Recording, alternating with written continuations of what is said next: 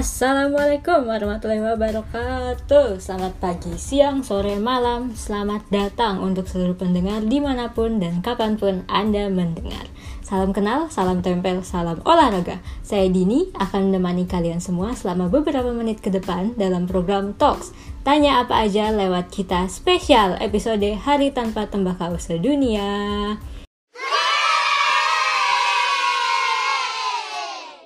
Tentunya saya nggak sendiri nih, karena bakal ditemenin oleh delegasi dari suatu organisasi. Penasaran kan siapa teman saya? Makanya tetap di Talks.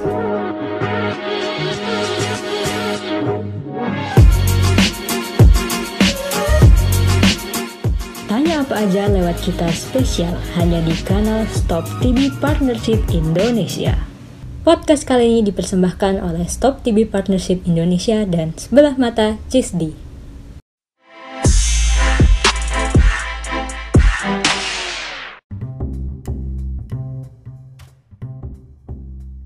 Ketemu lagi dengan aku Dini di Talk spesial Hari Tanpa Tembakau Sedunia. Gimana? Udah penasaran kan aku lagi sama siapa? Semakin mendebarkan atau cuma perasaan aku aja nih? Langsung aja kita panggilkan delegasi dari sebelah mata Cisdi, Mbak Lara. Halo. Yuk, yuk kasih tepuk tangannya dulu mana yuk. Teman-teman yang belum tahu nih apa sih itu sebelah mata dan siapa sih Mbak Lara ini, langsung aja yuk silakan Mbak Lara untuk kenalan dulu. Uh, halo, uh, saya Lara. Saya bekerja di CISDI, Center for Indonesia Strategic Development Initiative, sebagai koordinator uh, program pengendalian tembakau. CISDI sendiri fokusnya kan adalah sebuah think tank yang bekerja di uh, dunia kesehatan, pelayanan kesehatan, terutama primary healthcare, uh, pelibatan anak muda dalam pembangunan kesehatan dan saat dan di dalamnya juga termasuk pengendalian tembakau gitu. Nah, kalau untuk pengendalian tembakau sendiri kita fokus di advokasi kebijakan cukai. Nah, sejak tahun lalu itu kita uh, kita mikir kayaknya kita perlu satu kanal khusus untuk uh, mendiseminasikan uh, knowledge atau pengetahuan kita tentang pengendalian tembakau ke anak-anak muda. Jadi kita pakai platform di Instagram, kita bikin akun namanya Sebelah Mata. Nah, kenapa namanya Sebelah Mata? Karena waktu itu ide dasarnya adalah kita ngerasa pengendalian tembakau itu bukan suatu hal yang keren di terutama buat anak-anak muda ya. Selalu memicu kontroversi juga sih. Jadi karena selama ini uh, rokok konsumsi rokok dan tembakau ini dianggap hal yang normal, biasa. Jadi ketika orang mau mengontrol atau mengurangi konsumsi itu dianggapnya dia dilihat akan dilihat dengan sebelah mata gitu. Jadi kayak ini ngapain sih? Uh, ini ada apa emangnya? Gitu. Makanya kita bikin akun namanya sebelah mata. Itu sih ide awalnya. Uh, jadi kalau di sebelah mata sendiri kita fokus bikin konten uh, yang sifatnya mengedukasi memberikan meningkatkan yang tujuannya meningkatkan pemahaman tentang pengendali isu-isu mengenai tembakau. Uh, jadi narasi yang kita bawa itu sebenarnya narasi utamanya adalah kita ngelihat rokok itu terlalu terjangkau oleh anak-anak muda, hmm. terlalu mudah untuk diakses di mana-mana. Makanya eh, kita pengen anak-anak muda sadar kalau rokok itu berbahaya. Mungkin sebenarnya udah banyak yang tahu ya rokok berbahaya, cuman uh, mungkin justru kita pengen menyadarkan harusnya rokok itu tidak aksesibel gitu. Harusnya harusnya rokok itu nggak murah. Harusnya rokok itu tidak dijual di mana-mana dengan mudah. Gitu sih. Jadi kita mencoba kita targetnya emang racing awareness dulu.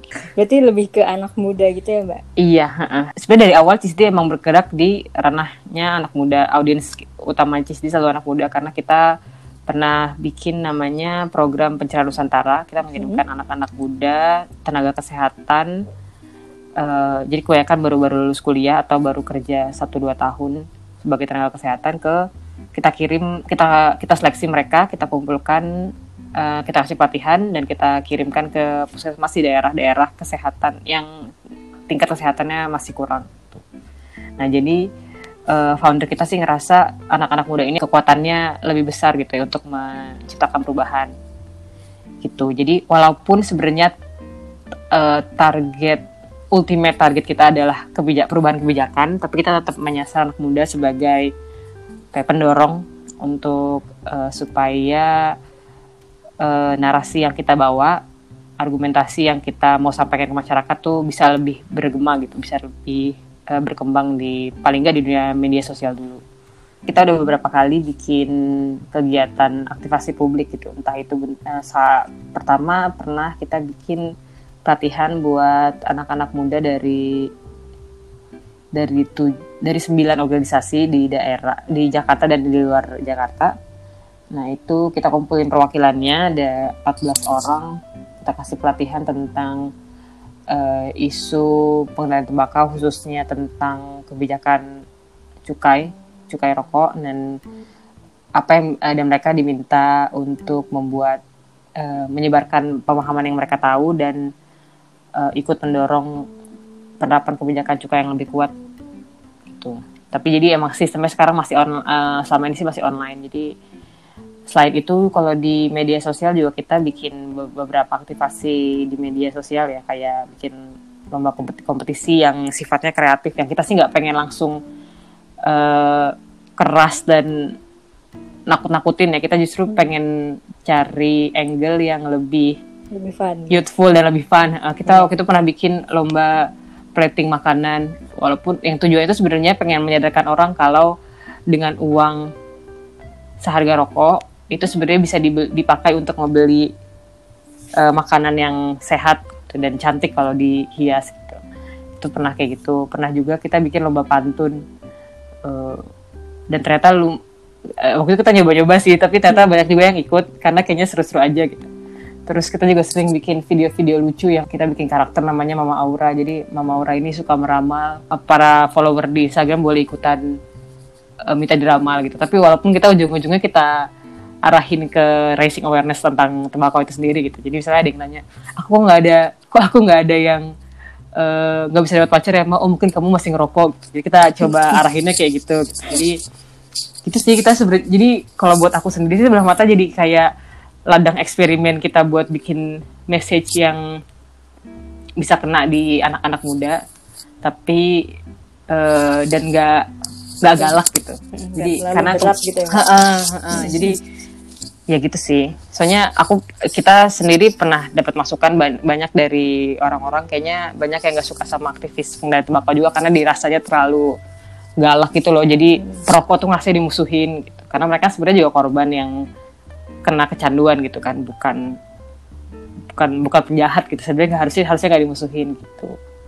Gitu sih kalau dari sebelah mata jadi sebagai anak muda nih sumber terbesar buat meningkatkan perubahan. Ayolah. Iya.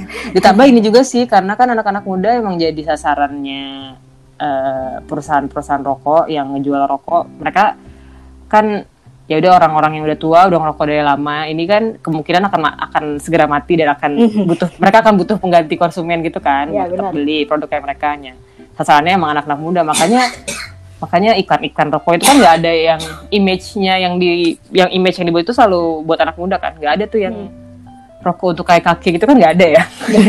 Mereka kan pasti ngejualnya adventurous terus eh, keren hmm, konser-konser musik dibiayain jadi yeah. jadi emang sasarannya dasar anak muda sih nggak mungkin. Makanya kita ngeliat kayaknya harus anak muda juga yang dibikin sadar kalau mereka itu target dan mereka itu harusnya mereka yang harusnya ikutan ngomong kayaknya emang rokok harusnya nggak dibuat aksesibel ini gitu. Gitu sih. Itu menarik ya. Dan juga nih buat anak muda. Ayo diperhatikan. Kalau kalian target-target dari industri rokok. Terus kalau sekarang kan lagi pandemi COVID-19 nih mbak lagi marak-maraknya. Kalau menurut mbak Lara sendiri gimana sih uh, pendapat mbak Lara tentang perilaku merokok dan COVID-19 ini? Mm-hmm. Sebenarnya sih kalau sederhananya mungkin sama kayak TB ya. Jadi intinya kan uh, COVID itu penyakit penyakit yang menyerang paru-paru. Hmm. Uh, gejala utamanya paru uh, penyakit infeksi paru-paru kan. Uh, sedangkan merokok itu adalah aktivitas yang jelas merusak paru-paru. Jadi di tengah wabah kayak gini sebenarnya harusnya masyarakat lihat kalau segala kegiatan yang bisa memperburuk infeksi paru-paru itu harusnya ditiadakan gitu. Hmm. Harusnya dikurang, ya dikurangnya atau ditiadakan lah ya. Uh, jadi segala paparan yang paparan asap itu tuh harusnya emang dikurangi supaya mengurangi resiko tertular uh, infek atau terkena infeksi paru-paru ya, entah itu COVID ataupun TB gitu. Jadi sebenarnya keterkaitannya sih di situ. Jadi kalau dari kita sendiri sebagai CISDI, kita ngerasa ini jadi momentum yang tepat untuk meningkatkan awareness masyarakat tentang uh, tentang bahaya merokok. Jadi intinya kita pengen masyarakat lihat kalau ini lagi ada virus yang jelas merusak paru-paru dan kita butuh paru-paru kita tetap sehat untuk bisa melawan virus itu gitu. Jadi sebisa mungkin aktivitas yang bisa mengurangi kekuatan tubuh kita dan paru-paru kita untuk melawan virus itu sebaiknya ditiadakan. Itu kalau merokok. termasuk merokok. Itu sih. Ya walaupun tidak sederhana sesederhana itu gitu kenyataannya. Kayak jelas masih banyak yang maksudnya COVID kan juga isunya jadi kompleks karena datang tiba-tiba dan tiba-tiba besar tiba-tiba dan kayak orang-orang nggak selalu bisa paham uh, situasinya gitu ya jadi banyak juga yang tetap ngeras uh, tetap ngeremehin dan tetap ngerokok tetap santai atau uh, uh, tetap santai juga ada jadi gitu sih tapi kalau kaitannya sih jelas karena emang penyakitnya sama-sama di paru-paru gitu. Jadi gitu. mungkin untuk memaksimalkan paru-paru kerjanya gitu iya, ya, jangan betul. sampai ha, ha, diturunkan gara-gara cuma ngerokok aja gitu kan. Ha, ha. Ditambah ini juga sih karena sebenarnya ini yang mungkin orang-orang nggak sadar ya. Jadi biaya penyakit yang terkait sama rokok itu kan sebenarnya tinggi banget. Mm -hmm. Dan itu salah satu hal yang menyebabkan BPJS itu selalu defisit setiap tahun.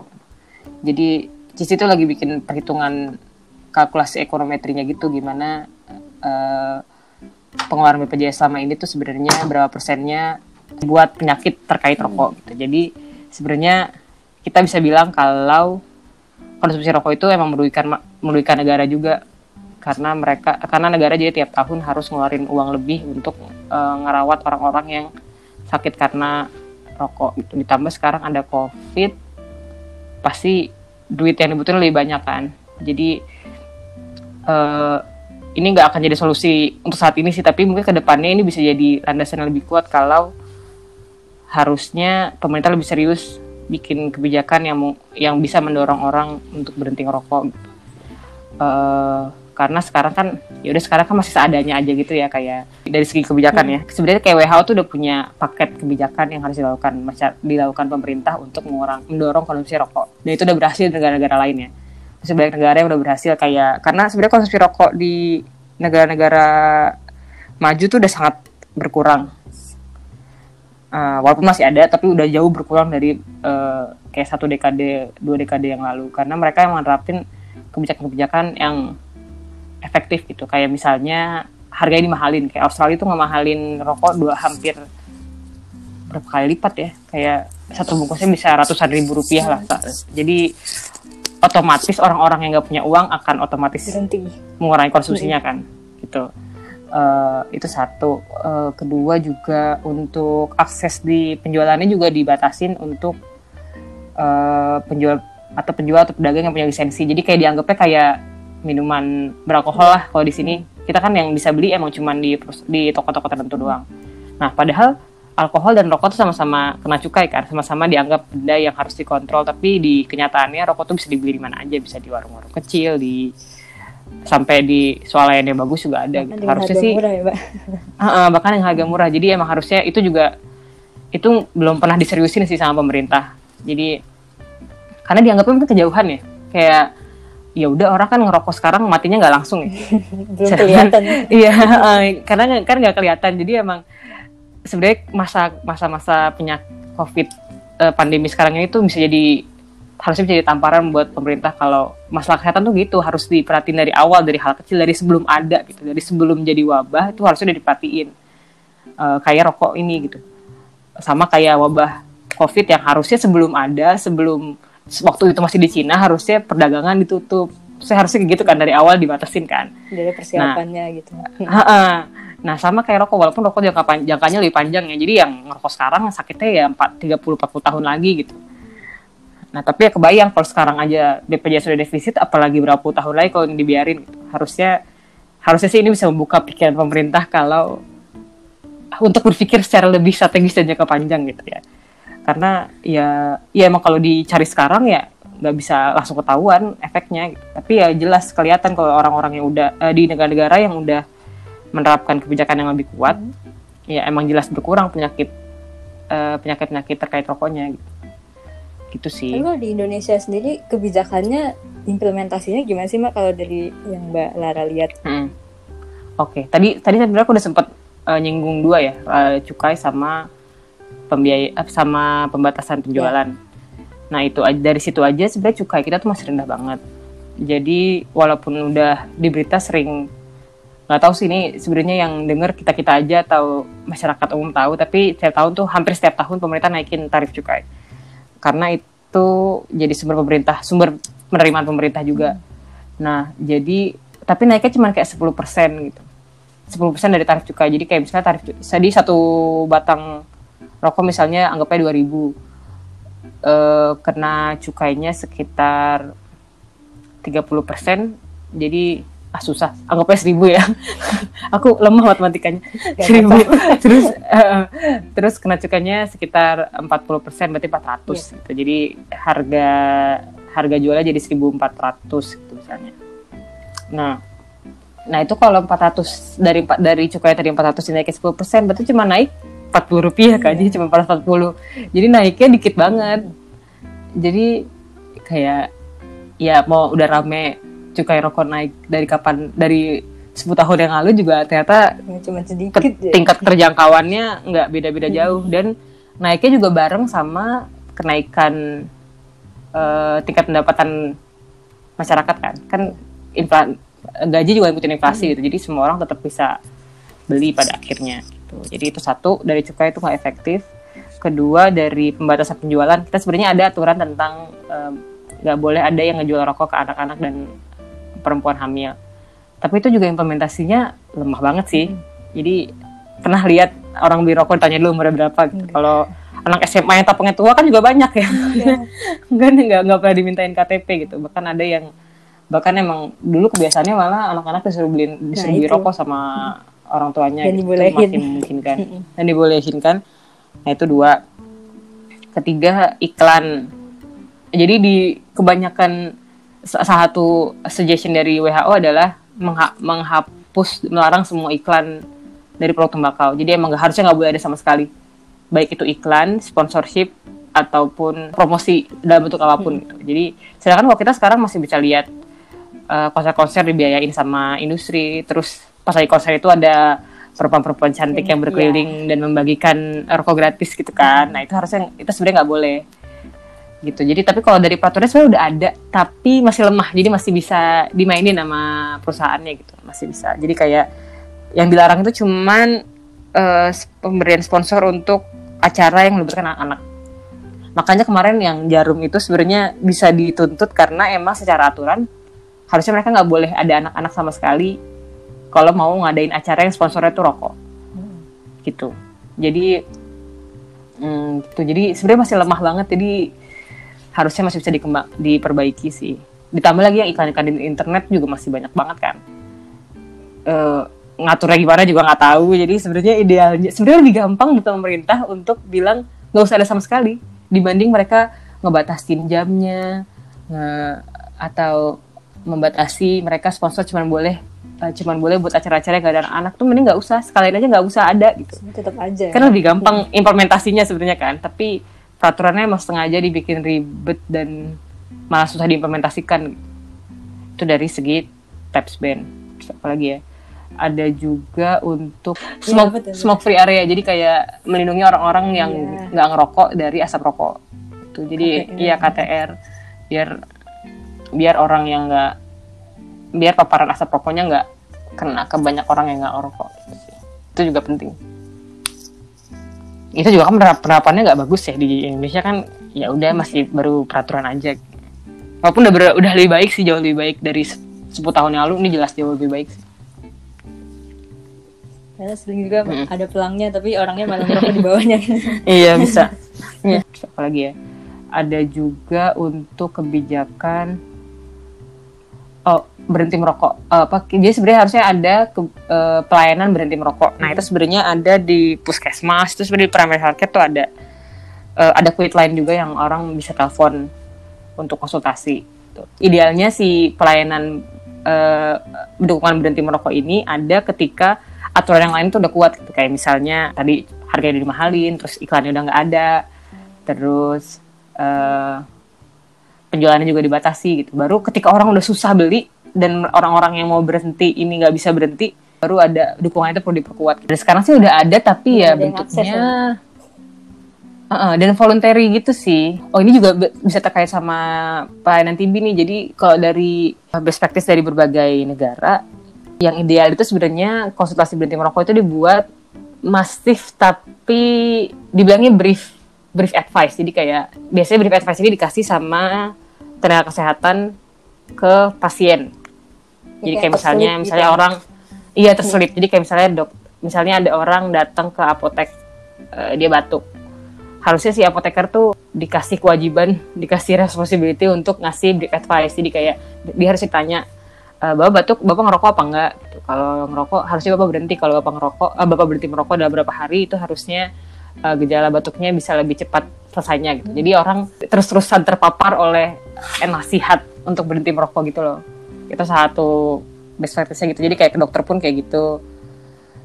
Tapi ini juga satu ranah kebijakan pengendalian tembakau yang masih dikembangin sih. Soalnya tetap dirasa nggak seefektif upaya yang lain gitu kayak naikin cukai itu udah jelas lebih efektif gitu kalau orang udah nggak bisa beli kan Otomatis terpaksa mengurangi. akan berhenti kan dan Heeh, dan sebenarnya dari beberapa eh, ahli yang pernah aku simak atau aku baca mereka bilangnya orang yang berhenti merokok itu emang karena kemauan aja karena nggak ada jadi kayak mau konseling mau apa pun ujungnya tetap harus dari mau dari pribadi masing-masing gitu loh. Heeh, jadi itu duku karena makanya makanya namanya dukungan ya. Jadi nggak ada bukan intervensinya bukan intervensi pemaksaan tapi justru emang dukung aja udah kalau mau ber- emang kalau dia udah mau berhenti merokok caranya apa aja? Kayak eh, kalau emang butuh pengobatan pengobatannya dikasih sama dokternya gitu. Jadi bentuknya emang support tapi tetap perlu ada faktor utamanya tetap dari keinginan. Jadi kalau emang eh, aksesnya dibatasi dan harganya juga dibikin mahal, mungkin orang juga jadi lebih punya alasan buat mau berhenti. Kalau Gitu itu sih. dia naik, dia juga agak bakal berhenti. gitu. Heeh. Jadi ya susah aja gitu. Ya balik lagi karena kayak- tadi yang penyakitnya itu kelihatannya nanti masih belakangan ya. Heeh, heeh, betul. Jadi sementara pemerintah Indonesia masih punya berjuta masalah yang ini jadinya ya udah nanti aja Iya. gitu kan nggak pernah nggak di nggak dia nggak terlalu dianggap penting. Mirip-mirip sih sama. TBC yang sama TB iya kan TB juga gitu kan ah ya sakit cuma berapa padahal masih ada iya sakitnya Gini dia, lama, terus eh, batuknya lama, terus baru meninggal lama gitu. Jadi kayak nggak nggak kelihatan Heeh. gitu. iya ketularan dari siapa juga nggak tahu ya Iya. kalau Mm. TB kan mm. gitu sih Dan mirip juga sih mbak kayak yang tadi eh, kalau ngasih eh, promosi kesehatannya itu untuk yang berlapis dari yang apotekernya itu sebenarnya best Mm-mm. practice-nya pernah di di di tuberkulosis juga kayak Nah, gitu ya tuberkulosis itu pernah kayak gitu. Jadi Mm. pas dia masuk untuk dapat pelayanan TBC, dia juga dikasih eh, edukasi jangan sampai berhenti minum obat gitu. Terus pas di dalam juga pas lagi Iya, sama betul. dokter juga dikasih edukasi juga pas sama ah, ah. apoteker juga. Jadi perlu berlapis gitu sih mbak. Ah, ah, biar tetap ingat gitu kan Iya. Di- ya kayaknya kayak juga ada deh eh, dukungan berhenti merokok yang di yang diberikan khusus untuk pasien TB Mm-mm. Jadi biar orang-orang karena itu kan karena merokok kan juga mem- memperparah kondisi TB-nya kan. Kom- kondisi kesakitannya. Jadi emang salah satu intervensinya adalah diberikan dukungan untuk berhenti merokok. Ada sih kayak edukasinya gitu untuk berhenti merokok karena rokok sama TBC itu kan berhubungan erat ya mbak ya. Mm-mm. jadi kayak dari ro- sebenarnya emang tetap faktor yang yang bikin orang bisa sakit TBC itu karena bakterinya sendiri bukan Mm. dari rokoknya gitu cuma rokoknya Iya, itu betul. kayak faktor enabling-nya gitu Yang memperparah. dari rokok paru-parunya jadi fungsinya berkurang makanya bakteri TBC akan lebih mudah untuk aktivasi Ha-ha. Nah itu juga hal yang susah dijelaskan ke masyarakat umum kan Iya. maksudnya heeh, Karena kayak, merembet enggak kok ke mana-mana." ini gue ngerok kakek gue ngerokok nggak pernah sakit TB TBC pasti diomongin kayak gitu. Jadi kayak kejadian ya jadi susah aja dijelaskannya. Karena emang nggak semua orang yang ngerokok langsung jadi tuberkulosis juga gitu kan. Banyak yang ngerasa ya udah itu bikin ya udah ngerokok bikin sakit ta- kita tahu. Tapi itu udah budaya udah normal udah biasa gitu itu normal. Jadi harusnya nggak usah nggak usah segitunya lah diatur gitu. Nggak usah di banyak yang mikir kayak gitu kan ditambah da- ada juga emang pihak yang terang-terangan oposisi gitu loh yang emang mengatasnamakan eh, pekerja industri mengatasnamakan petani bilangnya kayak wah ini upaya pengendalian tembakau tuh upaya mematikan sama dengan upaya mematikan usaha dan eh, petani tembakau gitu. Padahal ya kita nggak nggak ada niatan ke situ gitu. Justru sebenarnya di paket kebijakannya WHO tentang uh, tobacco control biasanya disebutnya FCTC, Framework Convention on Tobacco Control itu salah satunya mengatur peralihan pekerja dan tembak dan petani dari tembakau. Jadi gimana petani juga sebenarnya kalau dilihat nggak nggak untung nggak untung besar itu dari tembakau. Jadi banyak ruginya juga gitu. Ditambah eh, pekerjanya juga banyak yang tidak sejahtera karena jadi buruh tembakau. Harusnya ini sebenarnya upaya pengendalian tembakau yang komplit itu juga harusnya mencakup upaya untuk peralihan para pekerja yang bergantung sama tembakau sama ini. Padahal si buruh tembakau itu juga mungkin berdampak juga sama kesehatannya. Iya, Pas lagi Mm-mm. kan ada mengolah si tembakau. Iya ada green tobacco sickness itu juga kan. Iya sih.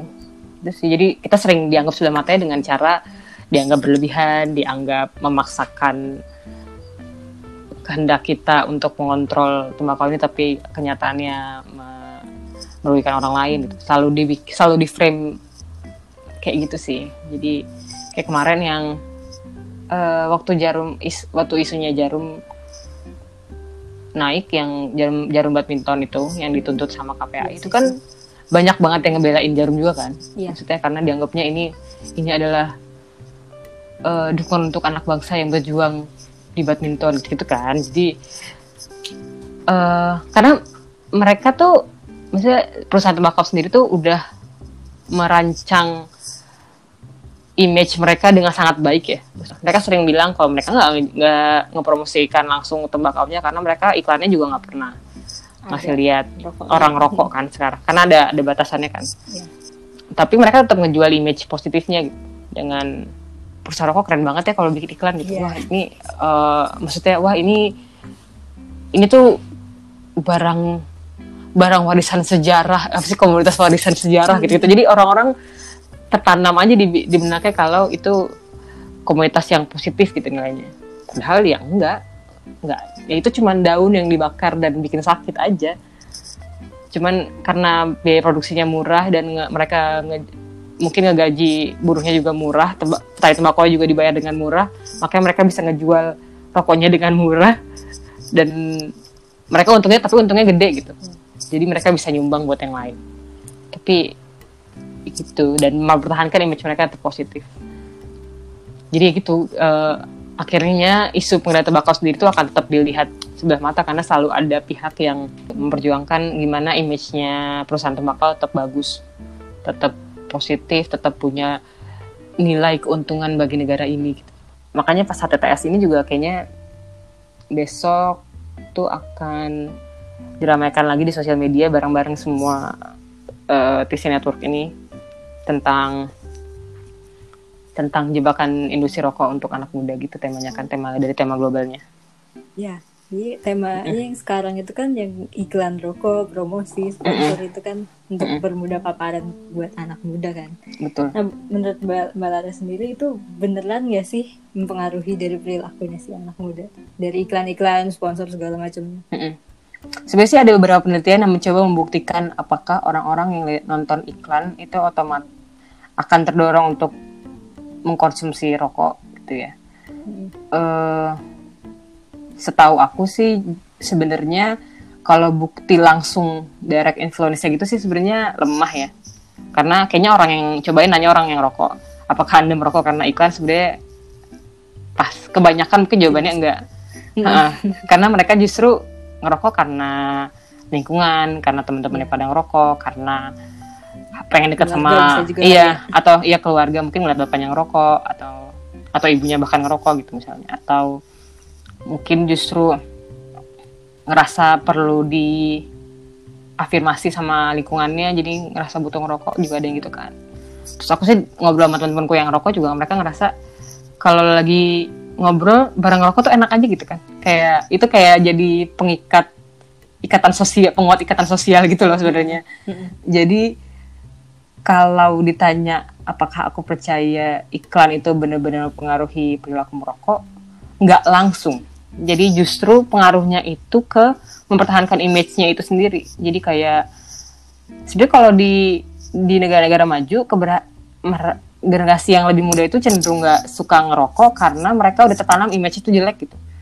Jadi mereka lumayan kenceng di edukasi awarenessnya dengan cara yang bagus dan iklannya emang nggak ada juga jadi nggak ada saingan. Kalau kita kan sekarang saingan ya jadi Kemenkes bikin PSA tentang bahaya merokok tapi tetap ada yang counter gitu. Kalau di luar negeri iklan yang gak ada sama eh, di negara-negara lain maksudku iklan yang gak ada sama sekali dan edukasi awareness juga kencang gitu. Jadi yeah. anak-anak yang sekarang umur 17 18 cenderung ngerasa ih kayaknya rokok tuh kotor, jorok bikin sakit kayak gitu. Jadi kalau kalau keberadaan iklan, apakah keberadaan iklan membuat orang merokok? Menurut aku jawabannya enggak. Tapi hmm. ketiadaan iklan akan mengurangi konsumsi rokok di masa depan itu iya. Justru karena dia nggak ada, orang jadi nggak masyarakat anak-anak tuh jadi nggak kepikiran untuk pengen tahu produknya dan lebih bisa nerima edukasi tentang bahaya merokok itu sendiri gitu. Jadi karena nggak ada counternya, gitu sih.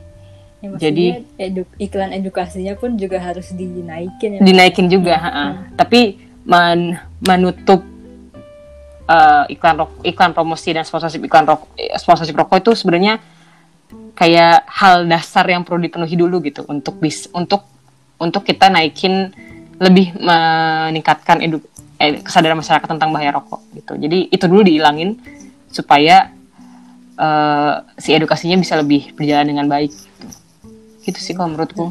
Yang terpenting yang peraturan tadi yang ada tiga tuh yang uh -uh. cukainya dinaikin, batasan uh -uh. penjualannya, sama, sama iklannya di. Ini. Iya betul. Itu jadi kayak lan itu step awalnya banget gitu dari mungkin nanti efek orang-orang pada nggak ngerokoknya masih lama gitu. Nggak akan sekarang semua orang berhenti merokok sekarang tuh nggak.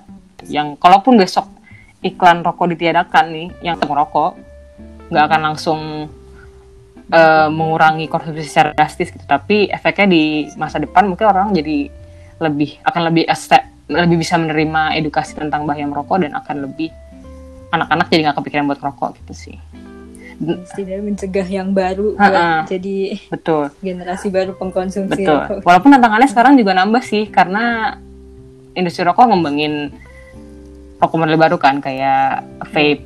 Pokoknya jenis rokok yeah. macam baru yang di, di katanya dirancang lebih sehat. Dan anak-anak yang katanya nggak katanya digunakan untuk mereka bilangnya itu dijual untuk perokok-perokok dewasa sebagai alternatif yang lebih sehat tapi kenyataannya mereka juga ngejual ke anak-anak kayak di Amerika tuh ada udah jadi kasus udah resmi dijadikan kasus di pengadilan ya. Kalau Juul salah satu produsen e-cigarette itu mereka emang datang ke sekolah buat ngepromosiin produknya. Jelas. Itu kan jelas melanggar etika. Jadi kayak hak dulu tuh Amerika tuh udah berhasil nih mengurangi konsumsi rokok. Terus tiba-tiba datang produk terus anak-anak yang tadinya udah mikir ngerokok tuh buruk mereka jadi malah jadi nyobain produk tembakau yang lain yang sama bahayanya gitu. Gitu sih. Kenapa bisa di sekolah gitu? iya uh, jadi jelas jelas uh, jelas targetin anak-anak muda juga. Itu makanya makanya edukasi ke anak muda tetap harus dikencangin sih walau uh, gimana pun juga karena mereka akan tetap jadi target gitu. Dan kita nggak tahu nanti ada produk macam apa lagi yang mungkin sama bahayanya tapi uh, dan pasti anak muda yang akan jadi dijadikan target gitu. Ini masuk edukasi di, di di sekolah, di pelajaran di mm. apa? sekolah. Iya, harus, itu harus dikencengin juga edukasi. Ha, sih. Ya, pokoknya dari berbagai sisi sih dicoba. Nggak akan semuanya efektif untuk semua orang ya. Kayak sebenarnya kita juga punya pro, Cisti juga punya program uh, kayak pengembangan panduan untuk guru ba- panduan bagi guru untuk menyelipkan edukasi bahaya merokok di pelajaran sekolah gitu. Nah itu baru kita pilot di tiga sekolah sih dari tahun 2018. Nah itu lagi mau dicoba dikembangin lagi modulnya. Walaupun dari itu kita belum ngetes sih seberapa efektif itu mempengaruhi. Tapi yang kita percaya segala upaya edukasi itu sebenarnya harus dicoba dari berbagai sisi gitu. Apalagi dari guru iya, dari peer juga mungkin iya, dari iya dari teman-teman sebaya gitu juga udah ada beberapa program yang ngarahin ke situ. Gitu sih karena apa targetnya juga beda, -beda mm karena kita juga mikir gitu kalau kalau kita nguatin di kurikulum gitu ya misalnya lagi ngomong, ngomong matematika tapi kita nyelipin juga kayak kalau beli uh, kalau bapak jadi soal. iya jadi soal. Jadi kayak kalau bapak beli rokok sehari uh, sehari satu bungkus harga dua puluh empat ribu terus sebenarnya dua puluh empat ribu itu bisa dibeli buat telur satu kilo gitu misalnya. Jadi ya, itu kan secara nggak langsung secara nggak langsung bikin nyelipin oh emang sebenarnya rugi yang rokok tapi kalau dipikir-pikir kan gak semua anak ngedengerin guru ya. Jadi iya. uh, justru malah anak-anak yang lebih rentan buat mulai ngerokok itu yang bandel dan butuh nggak bandel sih maksudnya yang butuh butuh afirmasi ya butuh afirmasi dari lingkungan sekitarnya selain sekolah gitu malah. Jadi jadi berbagai situ emang harus dicoba. Iya tadi bahkan uh, eh, ada apa sih anak muda tuh sebagai target dari industri rokok nih mbak. Mm. Nah buat mengatasi hal itu tuh apa sih sebenarnya perannya anak muda buat uh, biar mereka ikut serta gitu dalam pengendalian rokok dan tembakau buat mengatasi masalah tembakau di Indonesia.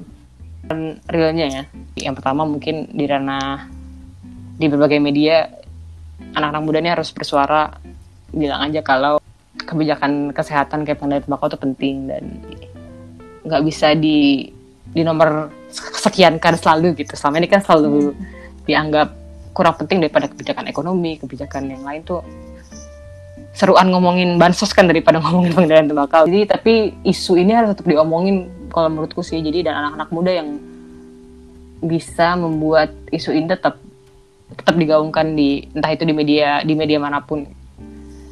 Nah yang kedua itu tadi aku bilang mencoba mengubah orang-orang yang ada di sekitar kita mungkin. Kayak mungkin teman-teman yang udah pernah yang survivor TB mungkin tahu rasanya gimana rasanya tuh sakit paru-paru ya. Nggak punya kapasitas paru-paru yang maksimal. Mungkin suara teman-teman itu yang bisa lebih kuat mempengaruhi orang-orang di sekitarnya untuk berhenti merokok justru. Jadi kayak wah gila. Lo yang punya paru-paru sehat malah uh, dengan dengan volunteer memasukkan ya. uh, racun ke paru-paru lo. Sedangkan gue mungkin udah susah payah minum obat setiap hari. Atau kalau kelupaan bisa jadi resisten mikro mikrobanya gitu. Jadi mungkin mungkin suara-suara teman-teman yang survivor TB bisa lebih dengar kali ya.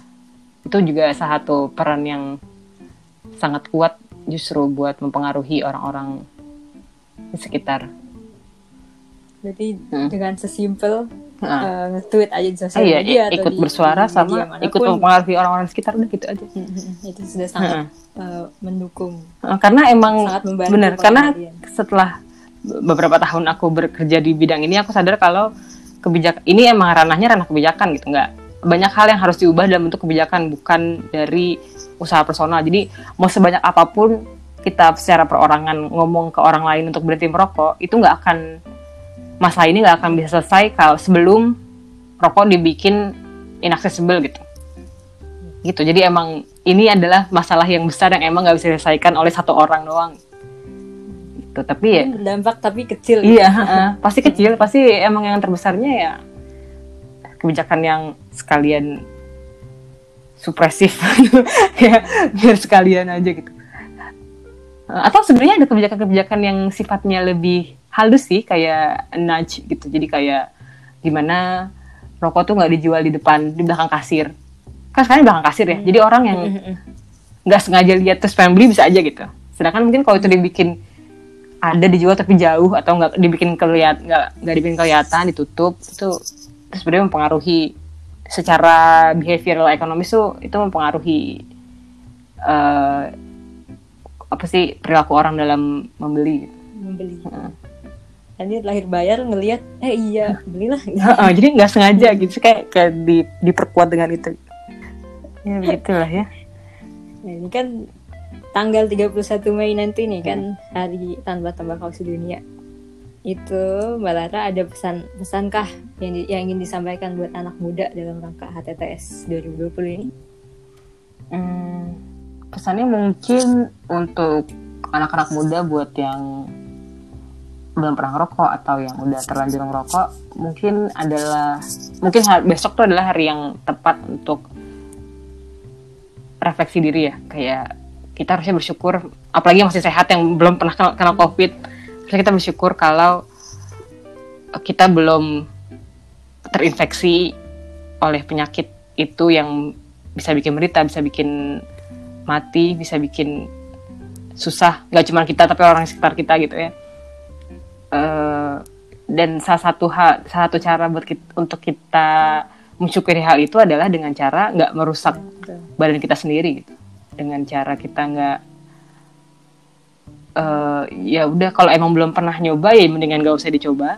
Kalau yang udah pernah udah terlanjur kecanduan ya ini saat yang tepat untuk berpikir ayo kita berhenti ayo cobain lah hal lain cobalah olahraga atau apalah yang jelas yang jelas manfaatnya gitu ya. Atau makan makanan sehat. Kayaknya besok adalah momen tepat untuk ya udah mulai dari diri sendiri aja. Kalau emang belum pernah ngerokok jangan dimulai. Dan kalau ngel- gerah juga ngeliat orang-orang di sekitar yang ngerokok ini mungkin juga saat saat, saat, saat yang tepat untuk nyoba bilang dengan cara kalian masing-masing ya dengan kreasi masing-masing dan dengan pokoknya intinya cara yang terlalu keras tuh nggak dipastikan tidak berhasil untuk dari, dari tatanan individu ya. Tatanan kehidupan sosial sehari-hari itu nggak akan berhasil. Kayak "Ih, lu mulu jangan gitu tuh tidak, tidak akan berhasil. Gagal sudah pasti. Jadi silahkan berkreasi bikin caranya masing-masing buat membujuk orang-orang sekitar kalian yang kalian sayangi juga buat berhenti ngerokok. Gitu sih. Mantap. Oke itu aja guys mantep ya Terima kasih banyak Mbak Lara. ya seru banget ya pembahasan kita kali ini sama Mbak Lara yang jadi highlight yang bisa diambil dari dari pembicaranya tadi adalah anak muda itu sebenarnya bisa kok ikut andil untuk mengatasi masalah tembakau dan perilaku buruk rokok di Indonesia mulai dari hal-hal kecil seperti bersuara di uh, media apa pun atau mengajak kerabat terdekatnya mereka. Yuk uh, kita semua ambil langkah buat cegah dan stop merokok demi Indonesia yang lebih sehat. Terima kasih sekali lagi kepada Mbak Lara. Oke. Udah bersedia gabung. makasih. Mau salam-salam dulu ke keluarga? Ya nggak ada nggak ada. Ya terima makasih ya atas kesempatannya. Udah diajak ngobrol-ngobrol. Nanti sampai ketemu di kesempatan berikutnya mungkin ya. Mungkin lain kali kita yang ngajak STPI ngobrol-ngobrol ya Oke deh, sampai Oke. jumpa di sesi berikutnya. Selamat Hari Tanpa Tembakau Sedunia. Dadah.